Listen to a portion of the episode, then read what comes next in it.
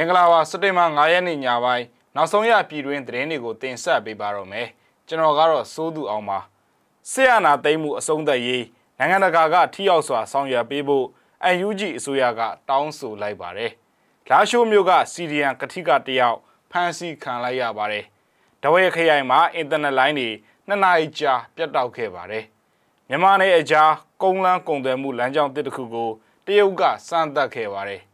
မြန်မာနိုင်ငံမှာလေးလတာအပြည့်ရဖို့အာဆီယံအထူးကိုယ်စားလှယ်ကတောင်းဆိုလိုက်ပါတယ်ဒီအကြောင်းတွေပါဝင်တဲ့နောက်ဆုံးရပြည်တွင်းနဲ့နိုင်ငံတကာသတင်းတွေကိုတင်ဆက်ပေးပါတော့မယ်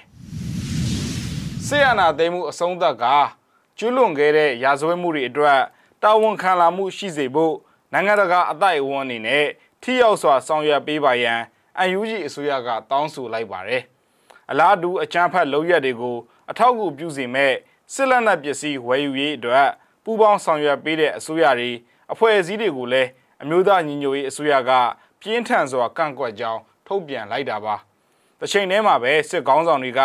ငြိမ်းချမ်းရေးအတွက်လုပ်နေပါတယ်လို့နှုတ်နဲ့အာမခံပြီးမြေပြင်မှာတော့တိုင်းသားဒေသတွေမှာတာလုံအင်အားတွေအသုံးပြုပြီးထိုးစစ်ဆင်နေကြောင်းကိုလည်းပြောပါတယ်။မြေပြင်ထိုးစစ်တာမကပဲဝေဟင်ထိုးစစ်တွေပါလုပ်လို့အရက်သားပြည်သူတွေထွက်ပြေးသိမ်းရှောင်နေရပြီး ဘာသာရေးအဆောက်အုံတွေစေးရုံစာသင်ကျောင်းတွေမှာပါတက်ဆွဲပြီးတော့အရက်ဘက်ဆိုင်ရာအခြေခံအဆောက်အုံတွေပါပြစ်မှတ်ထားတိုက်ခိုက်နေကြောင်း UNG ကထုတ်ပြန်ပါတယ်။ကုလသမဂ္ဂအစည်းအဝေးခန်းစာတွေအရထိုးစစ်တွေကြောင့်အိုးအိမ်ဆွန့်ခွာထွက်ပြေးရသူ3သိန်းကျော်လာနေကြောင်းသိရပါတယ်။စစ်အုပ်စုရဲ့ထိုးစစ်တွေကြောင့်ကြီးမားတဲ့လူသားချင်းစာနာမှုဆိုင်ရာအကြက်အသေးကိုဖြစ်ပေါ်စေပြီးလူသန်းနဲ့ချီထွက်ပြေးရမယ့်အခြေအနေကိုကြုံနေရကြောင်း အမျိုးသားညီညွတ်ရေးအစိုးရကတတိပေးပါတယ်ဒီလိုဖြစ်ရတဲ့ကြောင့်ကိုဗစ်ရောဂါအပြင်အိန္ဒိယနိုင်ငံတွေရဲ့ဒေသအတွင်းတည်ငြိမ်မှုကိုပါထိခိုက်စေလိမ့်မှာဖြစ်ကြောင်းဆိုပါတယ်အကြမ်းဖက်အာဏာသိမ်းစစ်ကောင်စီရဲ့ထိုးစစ်တွေအများဆုံးရပ်တန့်ရေးအပြစ်မဲ့ပြည်သူတွေကိုဖိနှိပ်ညှဉ်းပန်းနေမှုတွေအဆုံးသတ်ရေးအတွက်နိုင်ငံတကာအတိုက်ဝန်ကထိရောက်စွာပါဝင်ကူညီပေးပါရန်တောင်းဆိုရတာလို့သိရပါတယ်ခင်ဗျရှမ်းပြည်နယ်မြောက်ပိုင်းလာရှိုးမြို့နယ် နားကွမ်းလုံကြီးရွာအုပ်စုနားဟွဲကြီးရွာမှာဩဂတ်စ်လ31ရက်နေ့ကဖမ်းဆီးခံရသူတွေထဲမှာနီးပညာတက္ကသိုလ်လာရှိုးကစီဒီယန်ကတိကတယောက်ပါဝင်နေကြောင်းသိရပါတယ်။နီးပညာတက္ကသိုလ်လာရှိုးလျှက်စစ်အင်ဂျင်နီယာဌာနကစီဒီယန်ကတိက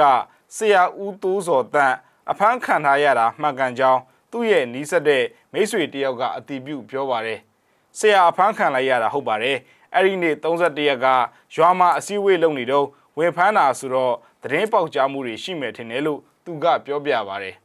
အဖမ်းခံရပြီးနောက်ပိုင်းဘယ်နေရာကိုခေါ်ဆောင်သွားတယ်ဆိုတာမသိရသေးပါဘူး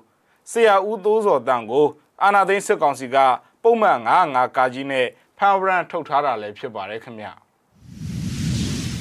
တရင်းနိုင်တန်ဒေသကြီးတဝဲခရိုင်တွေကမြို့နယ်တချို့မှာဒီကနေ့စက်တင်ဘာ9ရက်နေ့နေ့လယ်2နာရီကနေ4နာရီကျော်တဲ့အထိ မိုဘိုင်းအင်တာနက်တွေနဲ့ Wi-Fi အင်တာနက်တွေပြတ်တောက်ခဲ့ကြောင်းဒေသခံတွေကပြောပြလာပါတယ်။တယ်လီနောနဲ့ Oriducat ကိုအသုံးပြုတဲ့သူတွေနဲ့ Wi-Fi တွေပြတ်တောက်ခဲ့တာဖြစ်ပြီး MPT နဲ့ Mindel ကတ်တွေကတော့ပြတ်တောက်ခဲ့ခြင်းမရှိဘူးလို့ဆိုပါတယ်။ပြတ်တောက်ရတဲ့အကြောင်းရင်းကိုမသိရပေမဲ့အင်တာနက်ပြတ်တောက်ချိန်မှာတဝဲမျိုးပေါ်ကကြောက်မော်ရက်ကွက်နဲ့ရက်ကွက်တချို့မှာစစ်ကောင်စီတပ်တွေရောက်ရှိနေပြီးအဲစင်းစစ်ခဲ့တယ်လို့ဒေသခံအရင်းမြစ်ကပြောပါတယ်။ ဒီအပြင်မှာတဝဲခရိုင်လောင်းလုံးမြို့နယ်မြက်ကပတ်ကြီးရွာတောင်ပေါ်ရေဒါစခန်းကိုလည်းအင်တာနက်ပြတ်တောက်ချိန်မှာစစ်ကား၄စီးနဲ့အရာရှိကားတစ်စီးရောက်ရှိနေကြောင်းလောင်းလုံမျိုးကနောက်ထပ်သတင်းအရင်းမြစ်တယောက်ကပြောပါတယ်။အဲ့ဒီတုန်းကတော့လောင်းလုံမျိုးအတွင်းပဲဖြစ်ပါတယ်။ဘာကြောင့်ဖြတ်လဲဆိုတာတော့မသိရဘူးဗျ။ထူးခြားမှုတစုံတရာတော့မရှိဘူး။လွန်ခဲ့တဲ့၃ပတ်လောက်ကလည်းနေ့လယ်ဘက်ကိုဖုန်းလိုင်းတွေဖြတ်ခဲ့ဘူးတယ်။အဲ့ဒီတုန်းကတော့10မိနစ်လောက်ပဲကြာတယ်လို့သူကမျက်စိမှကိုပြောပါတယ်။ တဝဲခရိုင်တဲ့ကမျိုးနယ်တွေမှာအင်တာနက်လိုင်းတွေဖြတ်တောက်တာလုံခြုံရေးတင်ကြမှုတွေရှိပေမဲ့တဝဲခရိုင်တွင်းကတပိတ်စစ်ကြောင်းတွေကတော့ပုံမှန်အတိုင်းဆက်လက်ဆန္ဒပြနေကြဆဲဖြစ်ပါတယ်ခင်ဗျစက်တင်ဘာလလယ်မှာအစောဆုံးထားပြီးလူသားချင်းစာနာမှုအကူအညီတွေပေးပို့နိုင်ဖို့လေးလာတာအပြစ်ခတ်ရစဲရေးအတွက်တောင်းဆိုထားကြောင်းမြန်မာဆိုင်ရာအာဆီယံအထူးကိုယ်စားလှယ်ကပြောကြားလိုက်ပါတယ်ပြီးခဲ့တဲ့ဩဂတ်စ်လ31ရက်ကအဆိုပါအထူးကိုယ်စားလှယ်နဲ့ အာနာသိစစ်ကောင်စီခန့်နိုင်ငံခြားရေးဝန်ကြီးဥဝနမောင်လွင်တို့ဗီဒီယိုကွန်ဖရင့်နဲ့တွေ့ဆုံခဲ့ရမှာအခုနှစ်ကုန်တဲ့အထိအပြည့်အခတ်ရစဲထားဖို့အဆိုပြုတောင်းဆိုခဲ့တာဖြစ်ပြီးစစ်တပ်ဘက်ကလည်းလက်ခံခဲ့ကြောင်းအာရီဝမ်ယူဆွတ်ကပြောတာပါဒါကနိုင်ငံရေးအပြည့်ရဆဲမှုမဟုတ်ပါဘူးဒါကလူသားချင်းစာနာမှုအကူအညီပေးရေးလုံသားတွေရဲ့လုံခြုံရေးအတွက်စိတ်ချရစေဖို့ပြစ်ခတ်ရဆဲမှုတစ်ခုဖြစ်ပါတယ် ဒါမှလည်းသူတို့အပြင်ထွက်ပြီးတော့အကူအညီတွေကိုပြည်သူတွေစီကိုဘေးကင်းကင်းနဲ့ဖြန့်ဝေနိုင်မှာဖြစ်ပါတယ်လို့သူကပြောပါတယ်အပြည့်အခက်ရစဲရေးနဲ့ပတ်သက်လို့ကျွန်တော်ပြောခဲ့တာကိုသူတို့ဘက်ကသဘောမတူတာမျိုးမရှိခဲ့ပါဘူးလို့အာဆီယံအထူးကိုယ်စားလှယ်ကပြောပါတယ်ဒီအပြင်မှာအခုအဆိုပြုချက်ကိုအာဏာသိမ်းစစ်တပ်အုပ်ချုပ်မှုကိုစန့်ကျင်နေတဲ့သက်ဆိုင်ရာအဖွဲ့အစည်းတွေကိုလည်းတေဝိုင်ပြီးတော့ပေးပို့ထားကြောင်းအာရီဝမ်ကပြောပါတယ်ဒီ message ကိုသူတို့ရလိုက်မယ်လို့ ကျွန်တော်မျှော်လင့်ပါတယ်လို့ပြောဆိုခဲ့ပါတယ်ခင်ဗျာတရုတ်ဟာမြန်မာနယ်အကြားပြီးခဲ့တဲ့လကကုန်းလန်းကုံသွဲမှုလမ်းကြောင်းတစ်တစ်ခုကိုတရုတ်ဘက်ကစမ်းသပ်မှုလှုံ့ဆော်ခဲ့ကြောင်းသိရပါတယ်ဒီလိုရဟာအာဏာသိမ်းပြီးနောက်ပိုင်းအရေးယူဒဏ်ခတ်မှုတွေနဲ့ကြုံတွေ့ထားရတဲ့မြန်မာစစ်တပ်ကိုထောက်ခံပံ့ပိုးကြောင်းပြသမှုတစ်ခုဖြစ်ခဲ့တယ်လို့ South China Morning Post သတင်းစာကဖော်ပြပါတယ်။ပြီးခဲ့တဲ့လကတရုတ်မြန်မာဇင်းကြံရဲ့ ပထမအကြိမ်စမ်းသပ်မှုမှာကုန်တစ်တာ60လောက်ကိုပို့ဆောင်ခဲ့ကြောင်းအဆိုပါသတင်းဌာနကဖော်ပြပါတယ်။ကုန်ပစ္စည်းတွေကိုကုန်းလန်းနဲ့ရန်ကုန်ကနေချင်းရွှေဟော်နယ်စပ်ကိုဖျက်ပြီးယူနန်ပြည်နယ်လင်ချန်းကိုပို့ဆောင်ခဲ့ပြီးရင်းနောက်မှာတော့စီချွမ်ပြည်နယ်မြို့တော်ချန်ဒူးကိုယထာနဲ့ဆက်လက်ပို့ဆောင်ခဲ့ကြောင်းသတင်းစာကဖော်ပြပါတယ်။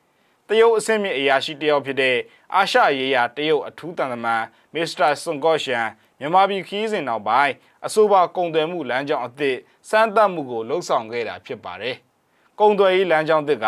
မြန်မာနယ်အကြားကုန်သွယ်မှုကိုကူညီမြင့်တင်နိုင်မှာဖြစ်တယ်လို့တရုတ်ကိုအိန္ဒိယသမုဒ္ဒရာကြားကူညီချိတ်ဆက်မှုရစေလိမ့်မယ်လို့သတင်းစာကဖော်ပြပါတယ်။တရုတ်ဟာသူ့ရဲ့ခါးပတ်တကွင်းလန်ဒဇင်စီမံကိန်းကနေတဆင့်အရှိတောင်အာရှမှာ ရင်းရဲ့ဩဇာလွှမ်းမှုမှုကိုတိုးချဲ့ဖို့စိတ်အားထက်သန်နေပြီးဒေသမှာတော့တည်ယူပို့ဆောင်ရေးအခြေခံအဆောက်အုံပိုင်းမှာကြီးကြီးမားမားရင်းနှီးမြှုပ်နှံထားတာလည်းဖြစ်ပါတယ်ခင်ဗျ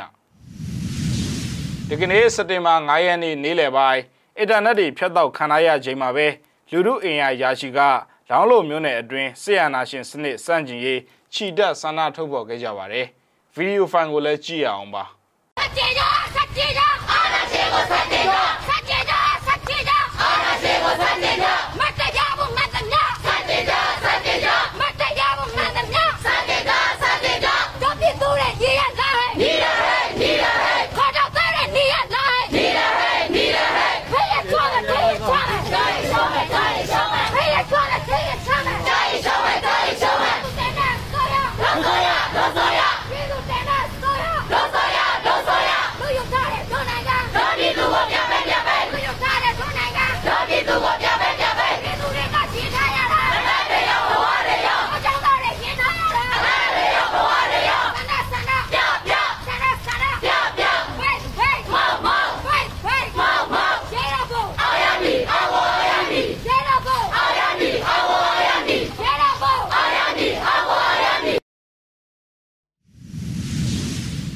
မြစည်းမရဲ့သတင်းအစီအစဉ်ကိုဒီမှာခဏရင်နာကြင်ပါတယ်ကြည့်ရှုခဲ့တဲ့မိဘပြည်သူတဦးချင်းစီကိုကျေးဇူးအထူးပဲတင်ရှိပါတယ်ကျွန်တော်တို့သတင်းနဲ့အတူတူပြန်ဆောင်ကြပါဦးမယ်